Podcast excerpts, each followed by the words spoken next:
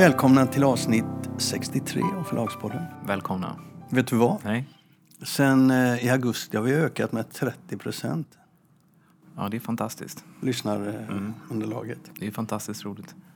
Eh, Alex Schulman sa för övrigt en bra grej apropå det här med att göra podd.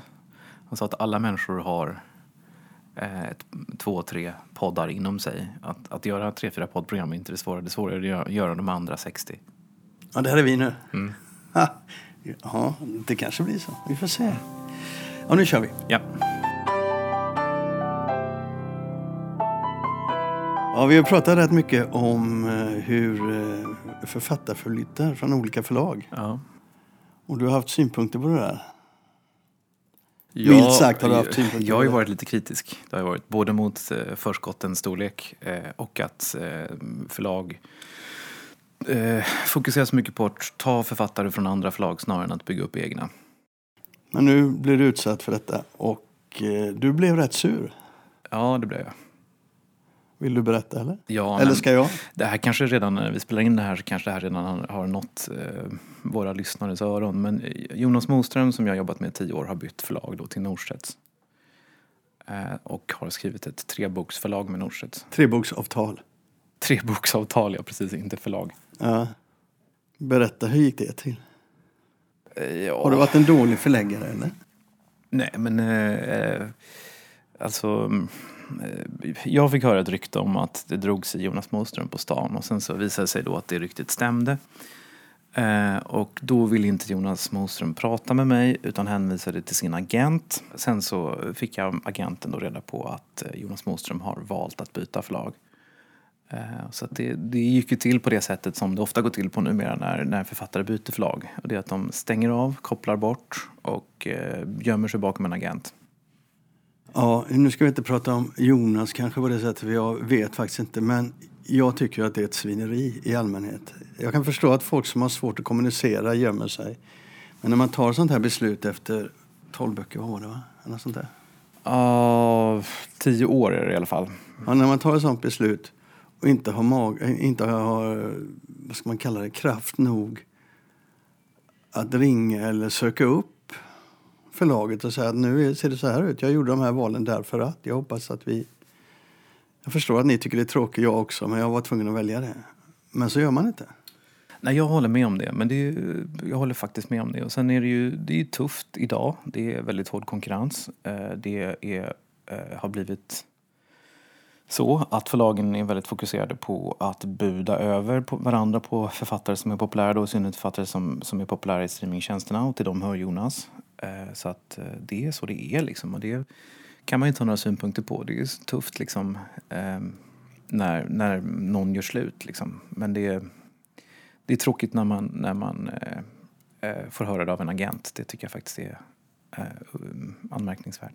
Och jag tycker det är oanständigt. Men jag är ju som du alltid säger en romantiker. Jag tycker att man sköter det. Man står upp hela tiden. Även när man tar taskiga beslut. Ja, jag är lite romantiker också just i det avseendet. Låt oss titta lite på Norstedt. Ja. Vad händer där egentligen? Från flera håll så har jag förstått och hört att eh, Håkan Bravinger, som ju då är litterär chef på Norstedts, eh, har sagt internt att eh, vi ska sno författare och eh, har ni bra liksom, idéer på vilka vi kan sno så budar vi på dem. Ehm, och eh, att det är en uttalad strategi som man har på Norstedts. Om den strategin kommer från Håkan Bravinger, om den kommer från Eva Gedin, om den kommer från deras ägare, det vet jag inte. Ägare i, Norstedts ägare, som är... Storytel. Eh, det vet jag inte, men, men det är väl eh, liksom ganska uppenbart att Norstedts har blivit lite mer pigga på att stjäla författare. Ja, det är klart när de får en ägare som Storytel som är väldigt kommersiell och som köper ett företag som är ett förlag som är allt annat än kommersiellt och så vill de justera det så har de ju fel förläggare.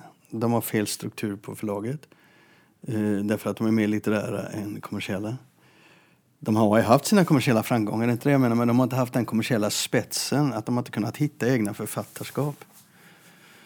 Uppenbarligen, eftersom de nu är på jakt efter andras. Eh, nej men så är det ju. Det är en ganska bra tror jag, bakgrundsbeskrivning. När Storytel köpte Norstedts så, eh, nu kan jag säga fel på någon procent, men eh, jag tror att Norstedts hade då 11 procent digitala intäkter eller någonting sånt. Och det var då så att säga sämst i klassen, sämst av de kommersiella. Och det var orsaken till att de eh, blev uppköpta av Storytel, för de såg potentialen. Nå, det vet jag inte. Det, det var, tror jag. Det, jag tror att Storytel var intresserad av Norstedts för det var Sveriges näst största förlag.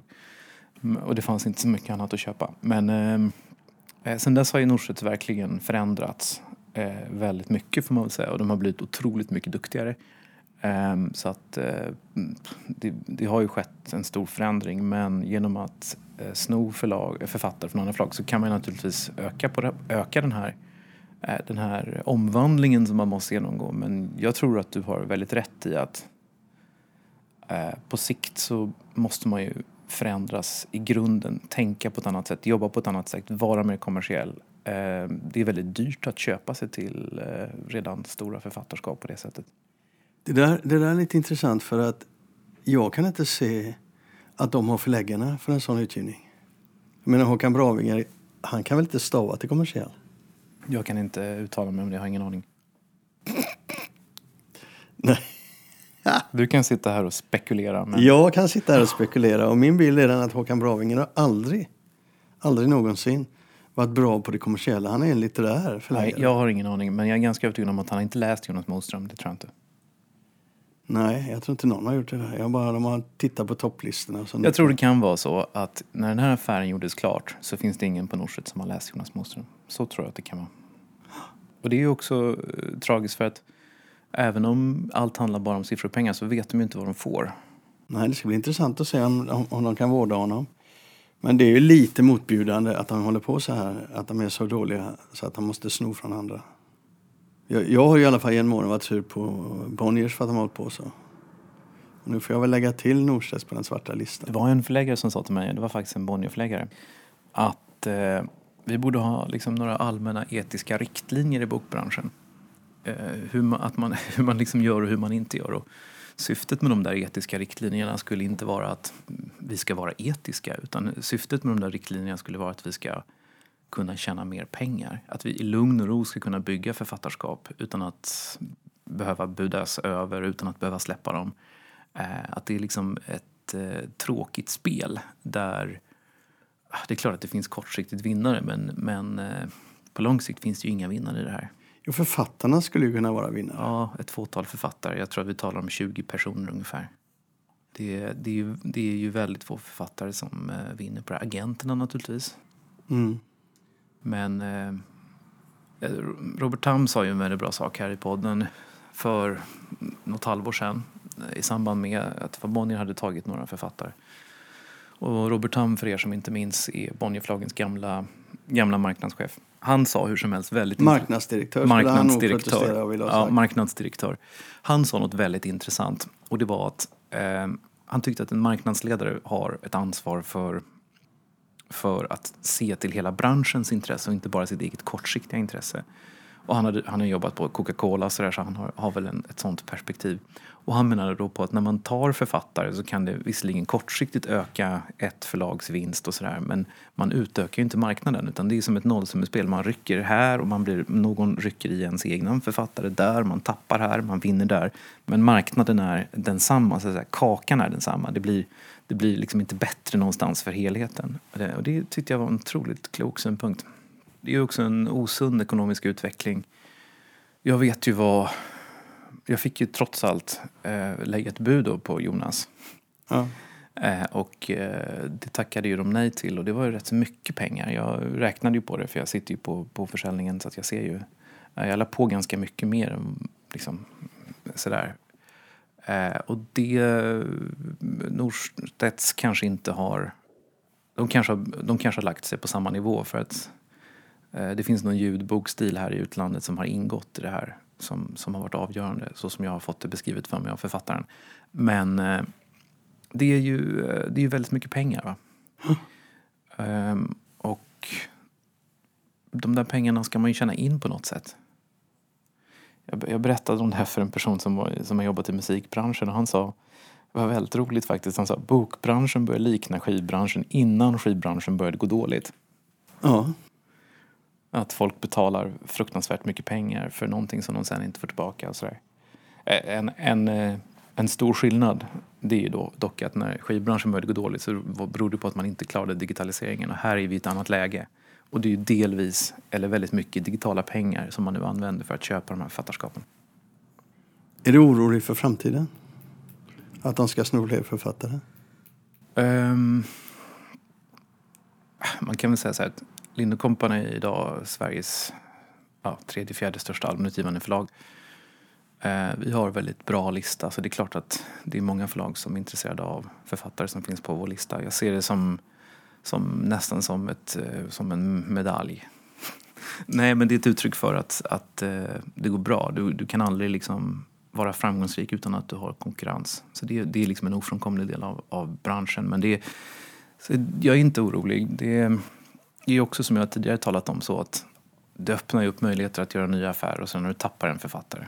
Mm. Men, eh, så att jag är inte faktiskt det minsta orolig. Men jag, på det personliga planet så tycker jag att det är, har skett en förråing av bokbranschen. Jag tycker det. Som, jag som, tycker- jag, som, jag, som jag personligen blir väldigt ledsen över. Eh, Jonas Moström och jag var kompisar. Vi hade känt varandra i tio år. Suttit på massa middagar. Jag varit hemma hos honom, han har varit hemma hos mig. Och sen så blir man liksom bortknäppt när man ringer och det ska gå via en agent. Det är, eh, jag vet inte, det är ingen rolig bransch. Det, det, om det är framtiden så känns det rätt trist. Jag för min del tycker när jag tittar på Nordstedts idag, jag kommer bara tycka att de är futtiga och småaktiga. Ja, vi kan inte själva fixa det här så vi snor dina gubbar. Eller gummor. Det är, ju, eller det är ju ett impotent, så det är kan ett man- impotent uttryck. Så kan man säga, men man kan också säga att eh, man, kapitalismen är sådan att kan man så kan man. Är vi klara här? Ja, jag tror det.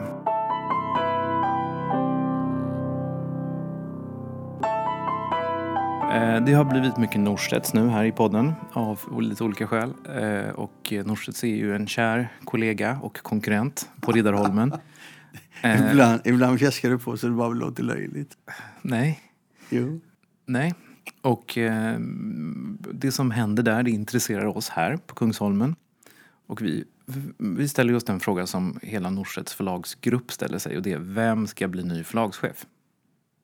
Mm.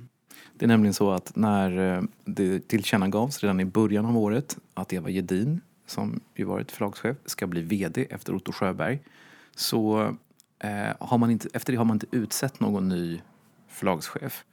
Och när det här kommunicerades så tänkte jag och säkert väldigt många på Norstedts att kanske Håkan Bravinger skulle kliva upp. Det hade varit en natur, ett naturligt eh, steg så att säga för honom att ta. Han är idag litterär chef. Man skiljer då på förlagschef, litterär chef och VD. Mm. Eh, där jag tror att skillnaden mellan förlagschefen och eh, den litter- litterärchefen kan vara lite glidande men jag uppfattar det som att förlagschefen har mer det ekonomiska ansvaret medan den litterärchefen ansvarar för listan och har visst personalansvar över förläggarna och så. Eh, men eh, Håkan Bravinger har inte utnämnts till någon förlagschef. Eh, Och för några veckor sedan när det här sänds så har man, har man anlitat en rekryteringsbyrå för att hitta en ny förlagschef. Och eftersom Otto Sjöberg slutar vid årsskiftet så är det ju väldigt sent. Helt enkelt har man inte lyckats hitta någon. Eller man har, ja. Nej, det är jättesent om du ska sätta in en ny chef så att organisationen inte skadas. ja. Men det här luktar Eva Schwartz lång väg. Hon sätter alltid till såna här eh, rekryteringsgrupper när hon ska ha nya chefer under sig. Eh, Eva Svartz är alltså då ordförande i Norstedts. Mm, styrelseordförande. Eh, Du tror att hon är viktig här? En. Du tror att hon är en viktig nyckelperson i det sammanhanget? Ja, det är hon för att hon styr ju rekryteringen. Mm, Gör hon? Ja, det tror jag. Och Hon eh, var ju hon som rekryterade Otto, tror jag, Mm. till, till, eh, till Norstedts. Ja, jag tror att du har helt rätt i det. Eh, Men nu är då frågan vem som ska bli ny förlagschef för Norstedts förlagsgrupp. Har du några idéer, Lasse? Jag tror inte du kommer få frågan om man säger så. Eh, eh, jo, de är så desperata så jag har redan fått frågan. Nej. Nej, alltså när man tittar på branschen så är ju internrekrytering i branschen så att säga. Det är väl ingen internrekrytering, men rekrytering från branschen då, från andra förlag. Mm. den är ju väldigt liten vad jag kan titta idag.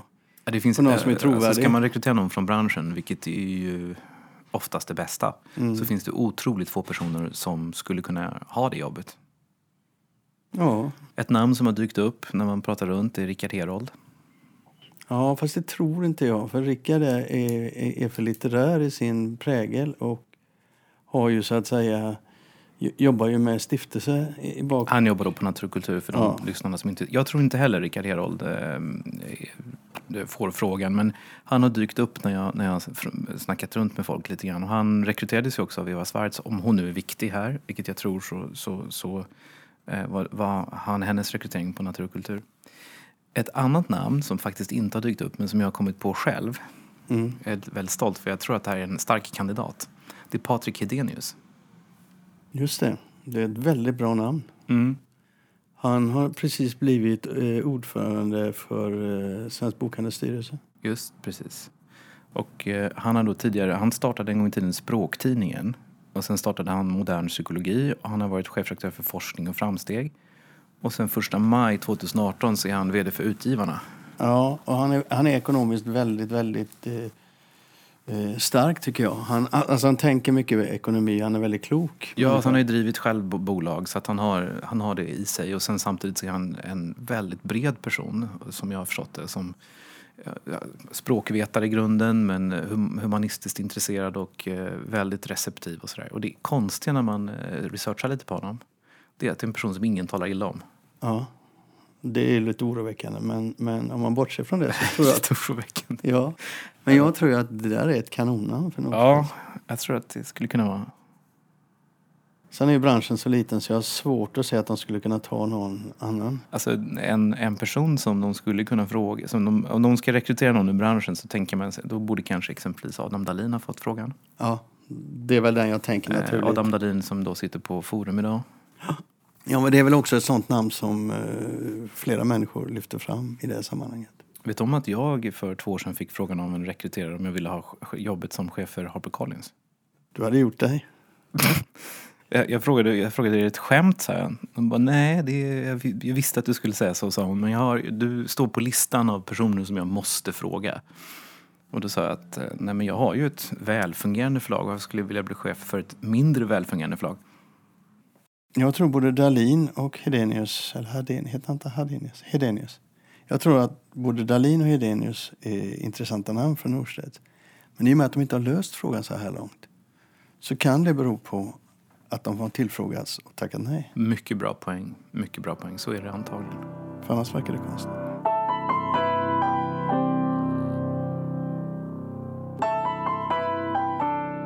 Och så har vi i vanlig ordning fått lite kritik eh, mot eh, Förlagspodden. Eller jag har fått kritik. Från en bokhandlare i Göteborg. Ja, Ines Lår Ines Lår. Och, hade några synpunkter. eh, ska jag läsa upp det hon har skrivit? Ja, gör det. Mm. Hon har skrivit så här. Hej, jag håller med Jan. Det vill säga Jan Smed. Så. Som vi hade ett, ett, ett samtal med Ja. förra... Det går utmärkt att driva en bokhandel med passion och kunskap om man jobbar med upplevelser, aktiviteter och framförallt väljer själv vilket sortiment man vill erbjuda och välja bort en massa med krimskrams. Vi ligger lagom cent- centralt, har en stark lokal förankring med hjälpande kunder, massor med stammisar men även kunder i andra stadsdelar och städer har gjort oss ett namn. Däremot upplever jag ingen negativ bild över rollen som bokhandlare. Däremot tycker kunderna att det är ett svårt arbete eftersom man behöver kunna väldigt mycket och har en mångfald av olika uppgifter. Lasse. Jag tycker att du ibland ser för negativt på bokhandeln. Lite mer positiv uppmuntran hade varit bra. Vi är ett flertal som gör ett bra och viktigt jobb. Bästa hälsningar Ines från Loge Pocket med mera. Mm. Och det här man, kan man väl lägga till också. Det är inte bara hon som tycker att du har en väldigt negativ bild av bokhandeln och ibland också nedlåtande bild. Du tycker det? Nej, det är inte bara jag, det är flera som har sagt. Ja, fast jag... jag eh, Du kan ju ibland få det att låta så enkelt. Och du, du, du titt, talar om independent bookshops och du talar om att det ska vara kulturhus och det är, fri, det, är det fria ordet. jag, kommer strax in, jag kommer strax på in, på, in på det nu, så bara andas du så Nej, men du säger höra. ofta att de är så dåliga, svenska bokhandlar är så dåliga. Ja, alltså det är inte alla. Jag brukar nämna att jag tycker det finns kanske 20-25-tal som är väldigt bra. Eh, och och Ines, till exempel i Göteborg då. Ines är en sån väldigt bra bokhandlare och det är barnbokhandeln på Värmlandsgatan brukar jag ta upp och så brukar jag ta upp eh, SF-bokhandeln på Kungsgatan i Göteborg. Det är jättebra boklådor eh, och eh, som drivs på ett väldigt engagerat sätt. Mm. Jag vet ju att människor i de här bokhandlarna sliter livet ur sig för att marginalerna är så små. Så. Men när jag pratar bokhandel så pratar jag inte om dem i första hand. Jag pratar om den kulturen som finns inom bokhandleriet så att säga. Det, vi har varit inne på det förut, alltså bokhandlare som sliter livet ur sig, även i bokhandlare som jag kanske inte tycker är så bra. Men alla jobbar på ordentligt. Inte alla, men väldigt många gör det då. Vad jag är ute efter det är en större passion för eh, den typen av bokhandel som jag vill se. Alltså, men den bokhandel som du vill se, kanske inte den bokhandel som går att driva? Säger du ja. ja. Men det, det kanske inte jag. är så lätt? Nej, men Jan, Jan Smed och de, de driver det. Ines driver en sån bokhandel. Men jag skulle vilja se en större, vad ska vi säga, eh, idémässig ett samtal inom bokhandeln i Sverige. Du kommer in och så ser du det är same same. Du ser att det finns eh, väldigt, väldigt mycket, får du en känsla av att här säljer vi lika gärna mjölk som vi säljer böcker. Nu gäller inte det alla. Och sen så är de, är de, de har väldigt svårt, väldigt många bokhandlare i Sverige idag. För de hinner inte med att se det. Men internationellt finns det otroligt mycket saker som händer idag i bokhandeln. Och de reflekterar inte ens över det. De diskuterar till exempel inte, till exempel nu som, som växer i, i, i USA och i Storbritannien, att fysiska bokhandlare nu har skapat system där de kan ta upp förhandsbeställningar av böcker. Mm. Där har ju nätbokhandeln varit totalt dominerande. Jo. Och till exempel förhandsbeställningar utav, ja du vet ju, de kommer ju upp på jo, Adlibris. Vi har talat om det. Ja, på Adlibris och så. Och fysiska bokhandlar gör ingenting. Nej. De skulle ju för, kunna föra kampanjer om detta. Nu kan du förbeställa. Gör det och stöd din lokala bokhandel. Mm. Alltså, det här görs ju internationellt och det, det fungerar otroligt bra. Men, Men i Sverige diskuteras inte ens frågan. Är det inte också lite grann så att den här bokhandeln som du talar dig så varm för, det är en bokhandel som du hittar i områden som är urbana, som eh, präglas av en relativt eh, hög utbildningsnivå, hög inkomstnivå. Du nämner boklådor som ligger i centrala Göteborg, du nämner Uppsala. Eh, I England brukar man ofta lyfta fram, fram Daunt Books som ligger bara i exklusiva områden. Att det är, det är tuffare att driva bokhandel i Trollhättan eller i Uddevalla. Eller... Ja, det är det. Men du kan titta till exempel i Ilaholm. De har en fantastisk eh, passion i bokhandeln i Ilaholm. Fungerar bra. Höganäs fungerar bra. Visby, också bra. Och nu räknar jag inte upp alla för då skulle jag glömma en del. Men det går absolut, var du än är, att driva en bokhandel eh, med det anslaget. Sen har inte alla tillräckligt med underlag för att kunna ha bokhandel överhuvudtaget, men många, många fler. Men tittar du internationellt då till exempel i USA eller Storbritannien som är ju den marknad som är bäst utvecklad, mm. som ligger längst fram hela tiden och som är oerhört ambitiös för att ta upp kampen med, med nätet och ta upp kampen med eh, Amazon och som gör det oerhört framgångsrikt. Det där var ju bara ett exempel. Jo. Och, jag, och då måste jag säga det till Ines att det är de här diskussionerna jag vill se. Det är därför jag tycker att bokhandeln idag inte håller måttet som helhet. Jag vill se fler bokhandlare som strävar framåt och som som att till exempel Ines då hade fått stöd av en central organisation som kunde ge henne de här, eh, eh, de här möjligheterna genom att hjälpa henne med eh, logistik och struktur. Men ta till exempel det här som jag, jag har ju tittat på nu ett tag. Och nu kommer jag då in på det som du inte tycker om att jag ska komma in på. USA? Nej, nu ska jag ta backlist. Okej. Okay. Mm. I, I, många år, för, för, några år sedan, fem, sex år sedan, så märkte jag att man i de här länderna började jobba med backlist. Det vill säga man utsåg i förlagen backlist-redaktörer. Man hade inte haft det innan. Man, man, man började inse att här finns en affär. Här finns en möjlighet att, att hålla backlisten i, i, i vår katalog levande.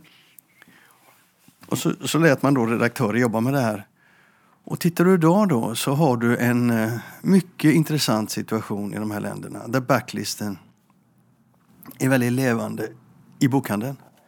Du kan skapa kampanjer runt runt eh, böcker, litteratur, runt händelser, runt personer. Jo. Därför att du har en levande backlist. Då kan man ju säga som, Waterstones är ett exempel på det. De, ja, de är jättebra på det. Men förlagen är också jättebra på det. Tittar du till exempel på förlagen idag. Jag gick in och tittade på Hachette, eh, Penguin Random House och imprintet Mulholland Books. Hur de lanserar böcker idag. Eh, och jag tittade på en del nya titlar. Och det är så uppenbart att de säger inte bara köp den här nya boken, köp den här nya boken. Utan de kan säga så här. För det har de märkt. Amazon har ju visat det, att backlisten fungerar jättebra. Om du till exempel gillar Michael Connelly och det kommer en ny bok om Michael Connelly som det kommer nu då. Va? Då kan du gå tillbaka och köpa alla. Och du gör gärna det. Det ser, ju, ser de ju på siffrorna nu. Och jag tror att det var Amazon som var drivande bakom backlist-utvecklingen i USA. Men jag tror att du har rätt. Vi, vi, även, alltså, bokhandeln kan säkert bli bättre men på förlagssidan så är vi väldigt dåliga på att tänka backlist. Ja, för jag menar att, att det är klart att det är så. Man kan titta på massa hinder för detta. Bokhandeln har inte utrymme och så vidare. Men jag menar att de kan göra det. De kan ha kampanjer. Om, om, säg, nu tog jag det med, med jag brukar prata med Mats Ahlström ibland om sådana här idéer han tyckte jag var ju soptråkig. För det där fungerar inte, vi är för liten nation och så vidare. Men han hade en jävla bra idé när vi pratade om det. Det skulle finnas möjlighet att diskutera det här. Till exempel så skulle man kunna gå, gå samman, och nu säger jag inte att man ska göra detta, men man borde göra en eh, undersökning och se vad som är möjligt. Inte, inte förlag för förlag, utan tillsammans. Förläggarföreningen skulle kunna liksom sätta till en grupp som tittar på detta. Hur skulle man kunna organisera detta? Man skulle bestämma sig, vi kör 600, 700, 800, 900, 1000 titlar som borde finnas i backlist som bokhandeln kan arbeta med och som vi kan arbeta med. Nu är det ju så att en del saker kommer ju tillbaka som Sagan om ringen har återgivits nu och Harry Potter har återgivits nu och för några år sedan så kom Moment 22 och det ges ut en del klassiker. Men det är bara tillfälligare. Man skulle ha en, en, en tanke med detta. Man skulle ge ut de här böckerna och man skulle ha levande, en levande backlist. Och då skulle man låta förlagen... Så att man skapar en organisation som tar emot förlagens backlist-idéer. Och så kan man ha ett gemensamt eh, varumärke eller man ska, en gemensam organisation detta. en organisation som tar emot förslag. Eller eller ett förlag som jobbar med det, ett gemensamt förlag. Det, Ja. man kan göra jättemycket olika varianter. Men om du gör så här, om du tänker så här, om du då tittar på marknaden och ser att den fungerar inte särskilt bra och du är rädd för vad som ska hända. Då måste nå- någonstans måste man diskutera något annat än kontant betalning. Man måste diskutera hur vill vi att morgondagens bransch ska se ut och så tittar man utåt. Det här skulle vi kunna göra. Och det här skulle bokhandeln då kunna gå in och titta på. Sen blir det ju också på bekostnad av nya, nya titlar. Det behöver inte det. Jo. Därför att om du ska arbeta med backlisten så kan du få mycket mer intressant bokhandel. Inte bara detta, "Ah, nu är tre månader, nu kastar vi dem. Vi har ju en struktur som inte fungerar så bra idag. Men den är inte, det är inte säkert att den måste se sån ut i Sverige. För så ser det inte ut i andra länder. Men vi har en struktur här.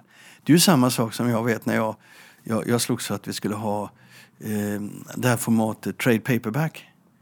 Och, och de ledande i den här eh, branschen i Sverige, Det här trade size paperback. ja, Ja. Ja. När, Mm. eh, Trade paperbacken den är ju ett mellanformat och sen är den mycket vackrare, mycket snyggare än både pocketen och storpocketen. Men då tittar ju de här ledande förlagen på det hela så säger de bara att ja, vi tjänar mer pengar på storpocket. Att det är ett suveränt fult format som ingen jävel vill ha på bokhyllan, det skiter de i. Bara de säljer, säljer, säljer. Men med ett trade paperback-format så kunde du ha ett vackert format där du kunde få folk att, att, att liksom vilja ha de här böckerna. För vem vill ha böcker som ser ut som skit? Nu gör ju inte alla böcker det, men jag menar eh, Du har aldrig funderat på att starta eget förlag, egen bokhandel? Jo då, många gånger.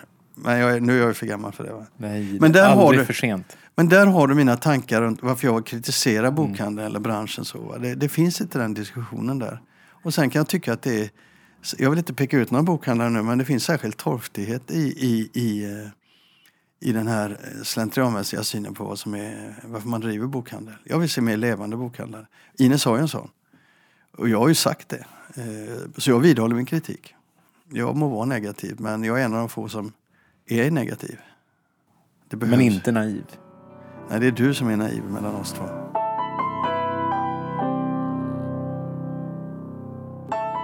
Förra avsnittet av Förlagspodden eh, avsnitt 62, så pratade vi om jobbiga författare och då nämnde vi spanjoren Ruiz Zafón som eh, kom med sin första bok Vindens skugga som gjorde succé över hela världen. Och han eh, var bitvis extremt jobbig när uppföljaren skulle lanseras. Alla förlag som hade gjort ett otroligt bra jobb, de fick eh, nobben och alla fick nu eh, buda. Så den som gav mest pengar skulle få nästa bok oavsett vad man hade gjort för jobb innan. Och då sa vi att det var Bonniers som hade gett ut den första boken. Sen sa vi att Norstedts hade tagit över författarskapet. Men som Peter Karlsson, förläggare på Norstedts, talade om för oss så har vi fel där. Det var Norstedts som gav ut Vindens skugga och Albert Bonniers förlag som sen tog över var högstbjudande och gav ut tre böcker av honom faktiskt. Den senaste så sent som förra året, 2018. Rätt ska vara rätt.